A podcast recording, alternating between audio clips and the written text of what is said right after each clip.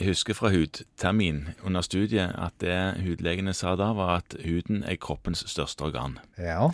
Og der er det veldig mye forskjellige ting som kan eh, feste seg, og mange sykdommer man kan eh, komme i kontakt med med hud. Og mange sykdommer inni kroppen gir seg òg utslag på huden. En sånn, sånn hudmanifestasjon av Ja. en eller annen, annen systemsykdom. ja.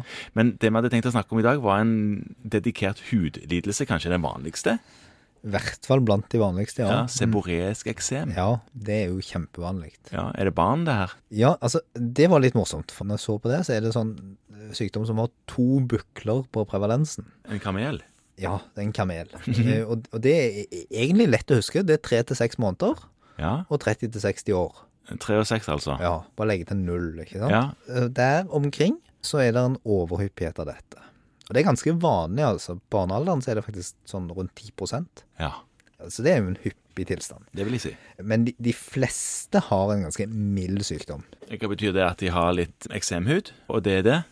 Ja, altså Nå er det jo Sebroisk eksem er ikke den typiske ikke- eksemhuden. Nei, dette er ikke atopisk Dette er jo ikke atopisk dermatitt. Nei. Dette oppstår jo på helt andre steder på kroppen. Hvor hen da, typisk? Hovedregelen er at det er der du har mye tallkjertler. Ja, det er derfor dette er seboreisk. Ja. Da blir det jo gjerne hodebunnen, de intertrigøse områdene. Mm. Der man får det. Hva det skyldes, ikke godt å si. Nei. Man har tenkt på sopp, og mye av det man driver med er jo soppbehandling. Jeg skal komme tilbake til det, men, men det er klart at denne pittospyrum ovale, har du hørt om den? Kjekkasen der? Ja. Mm. Den finner man ofte relatert til seboresk eksem. Ok. Ja. Det som gjør livet vondt og vanskelig for folk som driver med medisinsk forskning, er at du finner den ofte når folk ikke har seboisk eksem også. Så han er ikke patognomonisk. Nei, det Nei. er ikke det. Hva betyr det? Da har du garantert diagnosen, eller symptomet, Ja, som gir én diagnose. det er det. Det er morsomt å bruke sånne ord som vi nesten har glemt hva betyr sjøl. Mm. Det var riktig brukt. Ja. Eh, ellers så, så ser du at det er nok noen sånne endringer i fettsyreomsetningen. Og så er det noen nevrogene faktorer som kan gi det. Ja, Så det er forskjellige typer ting som man tenker seg gir seboreisk eksem, men noe helt sikkert, det har man ikke. Det vet man faktisk ikke. Men det man får, er jo at man får sånn rødhet og kløing og skjelling. Mange ganger så debuterer dette nesten som at de sier 'jeg har så mye flass', og de blir ikke borte med vanlig head and shoulders. Ja, Dette gjelder da stort sett den bukkel nummer to, da. Det gjelder begynnelsen på bukkel nummer to i særlig grad. Ja. Ja, ja du tenker at flassing hos 36 måneder gamle barn ikke er et så stort problem? Tenk at det er ikke en sosial utfordring, nei. Det, det er ikke det. Men det er klart at for de, særlig, kanskje særlig kvinner i den tidlige fasen, altså i tidlig 30 år, Ja. så er jo det et kjempeproblem. Ja visst. Og da er det sånn at da holder det ikke med vanlig flasssjampo. Nei, sånn head and shoulders og sånne ting som mange har prøvd når de kommer til legen, det har ingen sånn vesentlig stor effekt. Nei, Nei. det har ikke det. Det er ikke alltid det klør så mye. Uh, så det òg kan være at de tenker at dette bare er flass og ikke et eksem. Mhm. Uh, og det kan være nesten kun lokalisert i hodebunnen. Uh, sånn at det er litt viktig å, å finne ut av. Diagnosen det er en klinisk diagnose. Det er ikke en diagnose som du på en måte kan teste deg veldig godt fram til.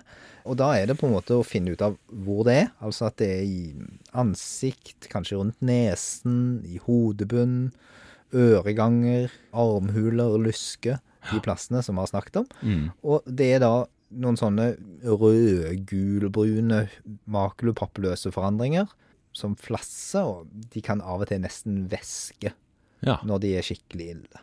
Og så er det jo sånn som det står mange plasser at dette påvirkes av stress og sollys. Det gjelder jo hele huden. Det gjør det jo. Det finnes jo ingen organer som på en måte er så påvirka av stress som huden. Kroppens speil, det husker jeg vi lærte på hudterminen. En annen ting vi lærte på hudterminen, det var jo om steroidsalver. Og er det det som skal til her òg, eller kan vi bruke noe annet? Nei, altså man kan Eller var det dette bruke- soppgreiene? Det kan bruke noe annet. I første omgang så er det soppbehandling. Ja. som velges, altså. Ja. Og da da er det en sånn sjampo som inneholder ketokonazol.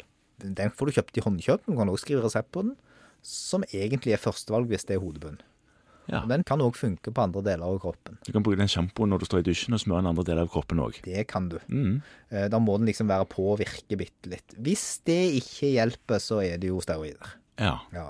Det kan jo virke som et litt merkelig behandlingsperspektiv at hvis et antimikrobielt middel ikke virker, så skal man gi steroider. Ja. Eh, Som i en del andre sammenhenger kan ha en svekket effekt på eget immunforsvar.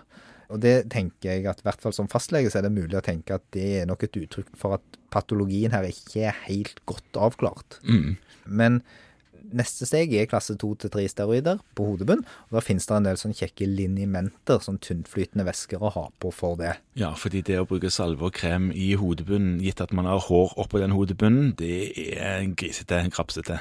Ja, det er ikke noe spesielt. Altså Nå er det klart Nei. at noen syns det ser kult ut med fett hår, og da funker det jo, men bortsett fra det så er det uheldig. Det er det. Så kan man på, på kroppen, så kan man særlig i ansiktet sånn, hvis man ikke har effekt av steroider og ikke vil bruke det, så går det an å bruke f.eks. tacrolimus, som er et immunmodifiserende middel. Det er ikke på blå resept, og det er ganske dyrt, men det kan være effektivt og har ikke alle de samme bivirkningene som steroidene har. Dette er vel ofte hudleger som er involvert dersom en begynner med immunmodulerende peroral behandling. Ja, det er ikke Men nå, nå, det tacrolimus en, en salve. Det er en salve, eh, sånn at det går det fint an å gjøre sjøl. Ja. hudleger har man jo svært variabel tilgang på. Uh, Det er noen, sant. Noen ganger bedre enn andre, sånn at, at det, det styres litt ut ifra det.